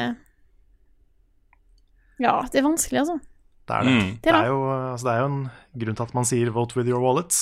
Og det, Mm. det er jo noe folka på toppen merker. Men problemet med boikotts er at det veldig ofte er for få som gjør det. Ja. Så det, det ender opp med å ha veldig lite å si. Så Mm. jeg, jeg vet ikke, ass. Det er jo Altså Man kan jo også si at nesten uansett hva man kjøper, så er det et eller annet moralsk shady i det. Nesten sånn uansett hvor du går. Um, Ja, ja. Men um, altså, jeg skjønner veldig godt hvis folk nå velger å ikke kjøpe Blizzard-spill pga. det her. Det er jo en måte å markere seg på. Det er den eneste måten Mm. man kan markere seg på, annet enn å protestere på sosiale medier, liksom. Men nå begynner jo Mm. pengene faktisk å si, altså snakke litt her òg, for nå er det jo Var det ikke Mitsubishi som trakk Jo. seg som sponsor nå nylig? Det er, det er effektivt. Mm. Så en, sp en sponsor, hvis de begynner å miste de, da, da begynner vi å snakke. Ja. Mm. Nei, jeg tror det er eh, Det, det kommer til å bli et eh, vanskelig spørsmål for mange gamere, dette her, altså. Mm. Og jeg, jeg tror liksom vi bare har sett begynnelsen på det også, når vi vet at uh, Nå kom det jo masse positive nyheter fra Riot for, for noen uker siden. Tencent eier jo Riot. Uh, Ja. Riot har jo masse historie med alt mulig drit. Ikke sant? Og Tencent eier jo også deler av Funcom og Epic Tencent Games og. Ja, dem, dem, Kina er liksom litt overalt, da. Og det skal ikke liksom så mye til før uh, du begynner å eh, se lignende historier uh, hos andre enn Blizzard. Plutselig så sitter vi der liksom med store deler av hele spillmediet som vi er glad i. Liksom, du kan ikke kjøpe det spillet fordi sånn, og du kan ikke kjøpe det spillet fordi sånn. Og det er liksom, ja, jeg, jeg vet ikke. Det er vanskelig, altså. Kommer aldri til å få et Ole Brumm-spill igjen. Nei, Nei, men uh, ja. Jeg kommer i hvert fall ikke til å bli sur på noen i min timeline som eh, er hypa for Overwatch eh, 2 eh, etter helgen. Um, Nei, jeg kommer heller ikke til å bli sur på de som velger å la være. mm, Det, det er veldig forståelig. forståelig. ja. Men det er jo et spørsmål for oss også. Liksom, hvor burde, burde vi vurdere hvor mye vi dekker Blizzard? Burde vi, altså, det er jo et Mm. spørsmål, det også. ja. Det er faktisk det, altså. Det er det. Vi det er får ta en litt større sånn eh, eh, diskusjon om det, kanskje på bakrommet om eh, Men da Mm. tror jeg kanskje eh, du ser ut til at du, Rune, er nødt til å droppe den store anmeldelsen og videoen du hadde tenkt å lage på Wow Classic. Ja. Å nei. Nei. Ja, det er Det selvfølgelig et joke bevisst, her, eh, bevisst ja. politisk valg fra redaksjonen Level Up Norge, det der. Det var ikke Ja. meningen å måte eh, få den, dra den døde eh, hesten din tilbake igjen i samtalen her, men nå, eh, jeg, den var for god ja, til å Nei, men Det er jo ikke noe tvil om at jeg er sterkt imot det Blizzard har gjort her. Altså, Ja, ja. Rent personlig så, så er det altså, sånne ting jeg kunne velge å gå i demonstrasjonstog for. ikke sant? Ja, ja. Eller mot, da. Mot. ja. Ja, ja. så det er jo, Vi er jo mennesker, vi også, liksom. Eh, ting som er viktig for oss personlig, og eh, ting vi mener er viktig for samfunnet generelt, og sånne ting. liksom. Og det er, jeg, jeg, lik, jeg liker ikke at eh, at uh, underholdningsmedier skal ta hensyn til Kina på sånne ting. Jeg mener at det her må det, må det være ytringsfrihet, liksom. Ja. ja, de er en sånn bølle i sandkassa som må bli Ja. stått opp mot. Jeg syns det, altså. Mm. Det er liksom, Du ser det jo i Marvel-filmer, og du ser det jo overalt. Mm. Nå har jo vi dekka den saken her en del podkaster på rad, eh, Ja. dette med det de har gjort, så jeg lurer på om jeg eh, Skal vi gå, gå videre til neste? Ja, vi går videre. Vi kan svare på noen spørsmål. Kommer Ruen sin standup på DVD, eller? Jeg selger et guttenavn. Hva er det du vesle karet sitt? Hvilket språk snakker Frida egentlig? Hvorfor er Mario rørlegger? Da fyrer vi i gang med litt spørsmål fra dere, våre kjære lyttere. Og vi setter i gang med spørsmålet fra Karoline Myklebust Sætre, som skriver Har dere planer om en julekalender i år? Eh, skriver både om dere har tenkt å lage noe jul til innhold til kanalen, og om dere har planer for dere sjøl slash andre på privaten. Vi har jo snakka litt om dette her i løpet av høsten, prøvd å finne ut eh, hva julekalender jeg skal ha til meg sjøl på privaten. Det er at det er hva slags julekalender vi skal ha på, om vi skal ha noe juleinnhold på kanalen. Eh, Vi skal lage sånn pakkekalender til deg, Frida. ja, men så hyggelig. Mm. Jeg, jeg gleder meg til å få dette her i posten. Eh, Nei da. Eh, vi har jo snakka litt om det. Eh, det skjer litt Ja. mye. Det, er, det er litt for mye som skjer nå, altså. Og det å lage 24 episoder av noe, selv om det er liksom kjapt gjort, og selv om vi deler på arbeidsmengden og sånn, så føles det som en sånn derre sånn, eh, Du kan ta en Death Stranding-analogi, da, hvor du er ute og går ikke sant? og du har med deg noe som du skal frakte til et eller annet mottakssenter eh, borti der, og så finner du noe fett på veien, ikke sant? og så må du legge det på toppen av alt det andre, og til slutt så når du liksom grensen, og du må gå der og støtte, liksom, fordi det, ellers så hvelver alt utover. Det er litt sånn julekalender føles for meg akkurat nå. Skulle vi gjort det også, på toppen av alle de andre tingene vi har å gjøre? Ja, ja, for vi har jo noen produksjoner gående nå, som vi prata om i stad. Yes. Mm. Uh, Hadde det ikke vært for de, så hadde det vært veldig greit å lage en kalender. Ja, ja, vi hadde jo en plan klar, liksom, Ja, vi for hadde, hva vi hadde lyst til flere planer. Ja da. Det er forskjellige, forskjellige nivå av ambisiøst. Ja. var inne på sånn der eh, en sånn galla julebord, hvor alle sammen var sånn pent eh, kledd og var hver vår sånn fiksjonelle figur. En, Mm. en Frognerfru og en detektiv med indre monologer. Og det, var, det var mye Ja, der som ja. vært veldig gøy. Men det er for ambisiøst. Det er det. Så jeg, jeg vet ikke Det kan hende at vi plutselig får ånden over oss og lager de 24 episodene, men jeg tror ikke det. Også. Jeg tror det er litt for mange andre ting å gjøre akkurat nå. Og dette er jo ting som er viktige for liksom fremtiden vår, og Mm. uh, som handler om inntekter og eksistensgrunnlag, rett og slett. Ja. Så, Det er, det er sant. Men, uh, Men det kommer jo til å komme juleinnhold. Ja, vi har lyst til å Ja. lage noe rundt jul om jul. Mm. Vi snakka om eh, Du hadde jo en fantastisk eh, sånn julefortelling på juleshowet vårt i fjor, eh, Karl. Ja. Kanskje vi skulle prøvd å gjort noe på den? Det kunne vi kanskje gjort, kanskje gjort det til en Vi, rekker ikke å lage et helt teater, men, men kanskje laga en sånn lydbok, nesten. ja, Ja. det kunne vi gjort. Mm. Det hadde vært en litt sånn koselig ting. En disclaimer. Eh, når vi diskuterer åpent planer på podkasten, betyr ikke det at det skal gjennomføres. Nei, nei, nei. sånn, Men eh, det, det, er, liksom, det er overkommelig å gjøre. Ja. Mm. En, en julefortelling på lille julaften eller noe sånt. Et eller annet sånt, ja. Det hadde vært koselig. Det ja. nok Ellers så er jo på en måte når man jobber med spill Ja, men når man jobber med spillstoff Det morsomste man gjør, det er å oppsummere året. Lage topplister og kåre årets spill og sånne ting. Og det skal vi jo selvfølgelig gjøre. Det, det skal vi gjøre. ja da. Ja, ja, ja. Så, men julekalender jeg, jeg tror ikke det. Det blir, eh, det blir one of these years. Ja, Ja, Så, jeg tror det så kjører vi julekalender. Ja, Ja. det er veldig Absolutt. gøy å lage det. Det er det. Jeg husker jeg satt i, i kjelleren i uh, lagerrommet uh, der, der jeg bor, i nissedrakt, Mm. og spilte inn mine fire episoder, eller hva det var, ja. for noen år siden. Mm. Om da jeg lagde pepperkakehuset. Stemmer. Mm. Yes. Nei, skal vi ta neste spørsmål? Har dere noe på blokka? Ja, kan ta et fra Sofia her. Eh, hun, hun skriver da Det føles som at spill blir større og større for hver ny utgivelse. Jeg lurer derfor på hvilke kriterier som skal oppfylles for at dere skal føle dere ferdig med et spill. Jeg lurer også på uh, hvis dere har noen tips på hvordan man skal klare å komme seg gjennom alt innhold uten å hoppe over til noe annet uh, Hoppe over til et annet fristende spill. Og ja, og så velkommen tilbake, Carl, skriver hun. Takk for det. Ja, men det, det, det er jo et spørsmål vi svarer på av og til, men jeg tror det er greit å svare på det av og til også. Um, sånn, eksempel når det gjelder spill som Death Stranding, så må jeg, jeg må se slutten. Mm. Jeg, jeg, jeg har ikke noe valg. Jeg må se slutten Jeg må se slutten for å ha, ha en mening om det. Jeg har ikke lyst til å liksom, antyde en karakter engang, som jeg kommer til å gi det, før jeg har sett uh, slutten. Så Nei. i et uh, sant spill så er det jo es helt essensielt. Ja, i, i narrative spill så er jo slutten viktig. Mm, det er det. Jeg vil som regel gjennom. Og det er litt av det at jeg føler at det er veldig mange spill nå som de siste årene der du på en måte der utvikler seg ikke bare når det kommer til historie, men også gameplay. Mm. At ting endrer seg underveis. Eh, plutselig så blir det lagt til en ny mekanikk og sånne ting som på en måte tilfører noe ekstra. Så jeg, jeg prøver å få spilt gjennom på en måte hovedstoryen så godt jeg kan, da. Aldri er det 100 av ting. Det gjør jeg jo ikke ellers heller. Men da, i hvert fall når det er litt historie inni der, så har jeg lyst til å på en måte få hele, hele den. Eh, og ellers på en måte sånn som med eh, Children of Morta nå. Jeg er ikke ferdig med det, men jeg kan begynne å skrive en anmeldelse nå uten problem, liksom. Mm. Men jeg ville komme til da jeg regna med var siste boss, for å vite liksom alt. For det er en del story der, og en del sånne små episoder som, som gir litt en ekstra inntrykk, da. Mm. Men der føler jeg at jeg, jeg trenger ikke å slå siste boss og få avslutningen på historien for å kunne Altså, jeg føler meg ikke ferdig med det, selvfølgelig. Jeg må jo slå den siste bossen. Dritt. Eh, men jeg kan anmelde det, da, og si meg sånn sett ferdig. Mm. Mm.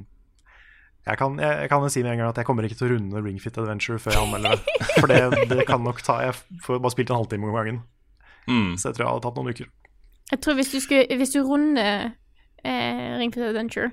Til slutt så ender det opp med at det, er du som har blitt the bodybuilding dragon, eller et eller Ja, sånt. kanskje det er det. Jeg tar over tittelen. Ja, ja. Mm. Mm. Tar over beltet. Og så er det plutselig en så svær online-verden som de ikke har snak snakka om i det hele tatt, men hvor du da faktisk spiller mot andre Ring Fit-spillere, Ja. som bossen. Mm. Shit. Så er det sånn raid hvor Ja, jeg er ja. bossen. Ja, Ja, ja, ja. Fy fader. Men apropos raid, da, når man snakker om den type spill, også Division, Destiny, eh, Warframe eh, Wow. eh, Ja, wow. eh, Ghost Recon, alle de spillene der, da, som har en sånn svær ting med Games as a Service og Seasons og alt det der, liksom, så er jo det spørsmålet mye, faktisk enda mer relevant. For det, det er vanskelig, altså det er kjempevanskelig. Og jeg føler nesten at du må ha en ganske sterk personlig interesse i det spillet som skal anmeldes, for å ta deg tid til å gå gjennom alt det der endgame-contentet som, eh, som jo tross alt er ganske viktig, da. Mm. Og um, det, det gjør det vanskelig å anmelde den type spill, syns jeg. Jeg vet at dette er eh, Dette blir veldig rotete. Mhm. men, men jeg glemte jo helt i stad å si at jeg har spilt et spill til. Ja. Det vil si, jeg har, Final spi jeg har spilt Final Fantasy 14. Ja. Jeg har testa Ja. det nye raidet. Vi hoppa Uh. blindt inn i det nye Near Automata-raidet. 24-manns-raidet i Final Fantasy 14. Og vi klarte det. Damn! Nice. Første dagen, Bra jobba, bra jobba. det var kjempegøy. Dritkult raid, fantastisk musikk. Bare sjekk den musikken jeg la ut på Twitter, for det er noe av det beste jeg har hørt noen gang. Mm. Det, er, eh, det, det var dritbra. Så back to the podcast. Jo, men det er for så vidt uh, Final Fantasy er også et godt eksempel da, på den type spill.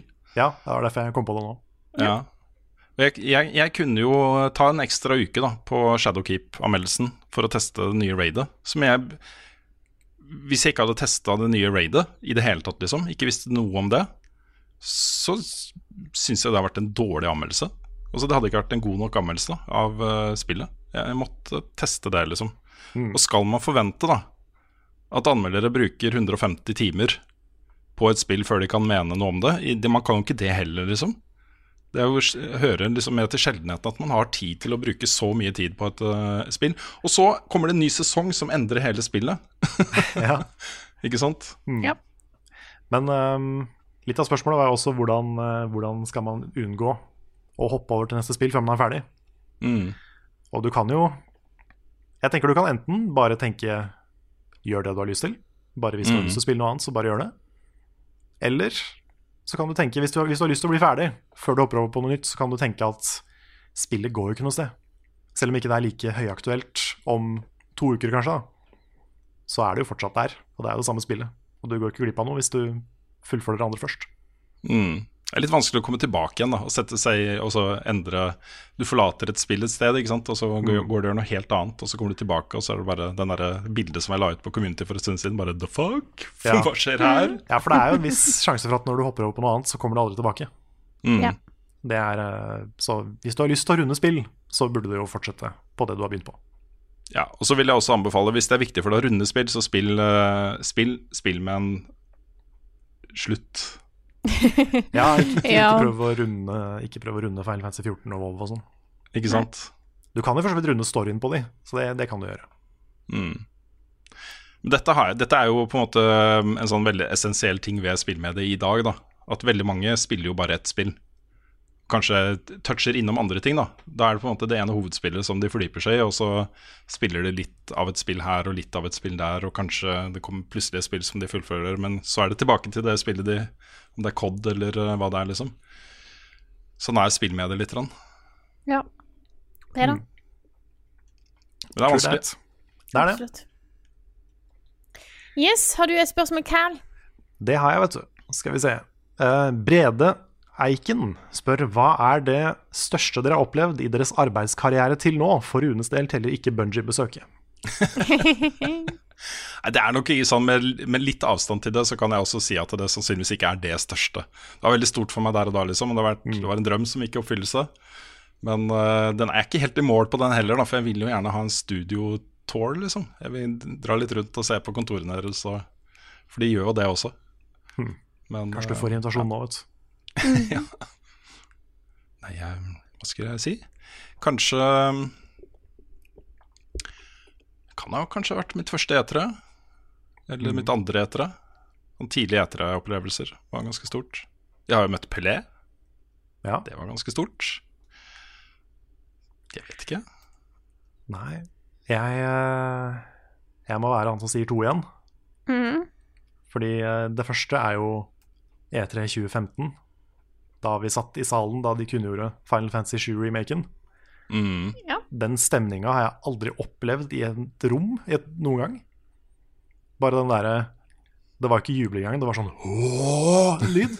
Ja. Det, var, det var bare helt crazy kult å bare sitte der og oppleve det da det skjedde. Mm. Det var ganske stort. Og det andre er at vi fikk til Noscope sesong to. At det faktisk liksom ble gjennomført, og at det skjedde. Ja, det var veldig kult også. Så det er de to. Mm. Jeg eh, prøver å finne ut hva det kan være, da. En av de sånn sterkeste opplevelsene mine, tror jeg eh, nå, nå tar jeg bare anmelderjobben, da. Er nok eh, da vi var på Spillekspo for noen år siden. Der eh, eh, Det var Juremi, jeg snakka om Owlboy. Eh, måtte reisen der da de viste, var vel en video eller et bilde, fra da de så min anmeldelse, og de begynte å grine. Og da begynte jeg å grine. For den var en sånn sterk ting, fordi at av og til så så glemmer en litt hva For jeg lager en anmeldelse, så får jeg kommentarer på den, men jeg glemmer liksom at den òg av og til når ut til de som har brukt så mye tid av livet sitt på, på det, og så skal lille meg komme med en mening, liksom. Det var en litt Mm. sånn uh, stilig opplevelse. Mm. Ja. Ja. Jeg tror det er Det er sånn hvis ikke hvis, Utenom Uten at du tar med sånn eh, eh, duellen i VG der jeg fikk møtt på en måte alle dere på en gang, og jeg var bare overwhelmed, og så vant jeg en, en NES. Det var litt sånn Det var jo kult. Men det Og du klarte deg bra på den, altså. Ja. Mm. Jeg tror kanskje jeg må si at, uh, at um, det å møte Hideo Kojima trumfer uh, Pelé også, og Benji. Ja. Det å komme opp i kontoret hans i Ropongi Roppongi i Tokyo, liksom hilse på han og intervjue han og ta bilde av han og, og sånne ting. På den tida så var jeg jo, er jeg jo fortsatt Metal Gear Solid-fan så det holder, liksom. og det har alltid, han har jo alltid vært, liksom, eh, siden Metal Gear Solid 1, kanskje den spillutvikleren jeg har, har mest sansen for, da. Mm. Så et, det var nok den første sånn store sånn wow. Dette er fett. Ja. Det var også veldig morsomt når vi var på E3. Jeg tror det var 2015 Jeg husker ikke om det var 2014 eller 2015, men uh, da vi var på E3-gulvet. Og jeg sto i kø for å spille. Det er litt morsomt at det er Mighty Number Nine, men uh, det var det, da. Og så sto det en person i kø foran meg. Og så sto liksom bare der. Jeg tror ikke han spilte, jeg skjønte liksom ikke hvorfor han sto der. Og så snudde han seg, og så var det KG Inafune. ja. Og det er liksom mannen som har laga flere av spilla jeg vokste opp med. ikke sant? Megaman Ja, ja. Og, og sånn. Så jeg bare ser han og blir litt sånn! Og så går det noen sekunder, og så bare Lars! Så bare løper jeg for å finne Lars, sånn at vi kan intervjue han. Og det er eneste, første og eneste gangen jeg intervjua noen med tolk. Ja. Mm. Men det var, det var sånn, da måtte jeg bare liksom få tak i Lars, få kamera og mikrofon på han, og så bare prate med Keiji Nafune. Mm. Endte jo Mighty Number 9 opp med å suge, da, men bortsett fra det, så var det Du fikk noe bra ut av det til slutt, vet du. Ja, jeg fikk møtt han, ikke sant? Han, ja, ja, ja. Skaperen av Megaman. Mm. Det er litt kult, det òg. Det er det. Absolutt. Mm. Har vi et siste superkjapt spørsmål? Jeg, jeg tenker kanskje bare Jeg tar det spørsmålet her bare for å lufte, lufte det. Tar det opp, og så kan vi kikke litt på det, og så kan vi diskutere det mer seinere. Men det er fra Tore Barman, eh, som lurer på hva våre tanker om Star Wars Jedi Fallen Order er, og hvem som skal anmelde det. Syns dere at det var på høy tid med et rent eh, singleplayer Star Wars-spill igjen? Og mm, Ja. dette er jo ikke Ja, ikke sant? Dette er jo ikke nytt. Jeg var lunken i starten, syns det så litt bland ut. Eh, Men for hver nye ting de har vist, så er jeg blitt mer og mer gira på det. Og Nå er det liksom et av de aller største spillene som kommer ut for meg nå i høst. da Ja, det, jeg også har blitt veldig gira nå i det siste. mm. Jeg tror ikke det er jeg som anmelder det, siden det er samme dag som Pokémon. Det er fare for at det blir meg. Ja. I hvert fall så er jeg klar som et egg for å anmelde det. så Da er det bare å eh, slå seg løs der. For vi andre er jo opptatt med å spille, liksom. Fordi at, altså, Hvis det kommer ut samme dag som Pokémon, så er det jo rett etter Death Stranding, som er jo Da er jo en ting. Eh, og så, så ja, jeg tror eh, det, Altså, jeg melder meg ikke frivillig til å ta, til å ta Jedi Fallen Order, for det er ikke Jeg har Innser at jeg tror aldri jeg har spilt sånn Star Wars-spill enn Lego Star Wars. Er Min sånn favoritt-Star Wars-spill er jo Min Da har du favoritt spilt Star Wars-spill, det er jo Sorry. Nei, kjør på. Ja, altså Mine favoritt Star Wars-spill er jo Jedi Knight-spillene. Uh, særlig uh, Er det nummer to, mon tro? Som også var dritbra online, da. Men hvor du kommer inn og er en Jedi, og du har et, uh, en lightsaber, og du har nære, tette lightsaber-dueller med folk. Det var liksom drømmen for meg, da, med Force Powers, ikke sant. Det var uh, fett. Så det er, uh, det er right up my alley, det spillet her, altså. Men hvis du bare har spilt eh, Lego Star Wars, så har du egentlig spilt mange av de beste Star Wars-spillene. Ja, Godt poeng. Det er. Godt poeng. Det er, det er mye dårlige Star Wars-spill. Ja da, det er det. Og så er det jo, eh, det er jo Respawn, og det, jeg er veldig glad i Titanfall uh, uh, enspillerkampanjene. Jeg syns det er kjempebra. Altså, det var vel ikke enspillerkampanje i første spillet, men andre i Titanfall Ja. 2. Ja, den har jeg hørt så mye bra om. Ja, den er At det er en sånn sånn hidden gem av singleplayer. åh, den er kjempebra. De forstår, de forstår uh, den sjangeren, campaign uh, skytespillsjangeren. Og uh, de har jo også lagd dritbra COD-spill, liksom. De, de, dette får de til. Sånn eh, epic, svære greier, liksom. Eh, Blockbuster-feeling. Det er- De er så gode på det. Så hvis gameplay følger opp, så kan det bli dritbra, altså. Så da har vi både lufta og avgjort hvem som skal anmelde det, da. det er jo en som ikke er her, da. Det, jeg, Ja, det jeg tror kanskje at det blir litt krangling med Ja, Nick. For jeg tror også han har lyst til å anmelde det. Kan hende Nick er litt gira. Ja. Ja. Vi får se. Da, da har vi lufta det nå, og så får vi ta den eh, Vi får ta det på bakrommet. Jepp. Og, og med den, den luftinga der, så tror jeg kanskje vi skal ta og runde av denne podkasten her. Så da vil jeg si tusen tusen takk til alle dere som støtter oss på Patron. Dere er flotte folk vi ikke kunne klart oss uten. Sånn, sånn serr, faktisk. Nei, det, tusen takk, og vi skulle gjerne hatt flere. Så hvis du hører på tingene vi podkastene våre eller ser videoene våre og tenker at eh, vet du hva, dette er verdt en tier eller to eller tre eller fire i måneden, liksom, så veldig gjerne, altså. Det hjelper oss så utrolig mye og er med på å sikre liksom, at vi fortsetter å gjøre dette her. Det er så det. ja, Yep. Tusen takk. much. Thank you. Og med det så sier jeg tusen også- Hæ? Og også bare takk for veldig mange hyggelige tilbakemeldinger også. Må jeg bare nevne. Det var veldig koselig. Ja, det var veldig, veldig hyggelig, Karl. Det var det. Og med det så sier jeg tusen takk for oss. Takk for at du hørte på denne episoden her, som er 249. Så neste gang jeg har vi sånn nesten jubileum. Da blir det 250. Hei. Hei. Bare Kvartveis til 1000. Yay! Sant, da er jo målet. Ja. Kan jeg nevne en ting til også, da, som uh, vi nevner litt for sjelden? Ja. At den flotte uh, intro- og outro-musikken i den podkasten her er laga av Kaizers uh, Nei, Kaizers, Nei. Kaizers Orchestra. Jeg var på konsert med Jan Ove i ja. operaen. Ja, Så eh, Betalte Keisers for en Ikke sant? Kyoshu Orchestra. De Kyoshu er Orchestra. eh, helt uh, fantastiske. Og de versjonene de har lagd av Level Up Theme, jeg er så glad i de. Så jeg ville Ja. bare få nevnt det. Vi bør nevne det litt oftere. Men uh, det er uh, krem avslutning og intro på podkasten vår. Oh yeah. absolutt. Og da har jeg glemt hvor jeg var, så jeg tar hele regler på nytt. Så tusen takk for oss. Takk for at du hørte på denne episoden her av Level Backup. Og så snakkes vi igjen neste uke.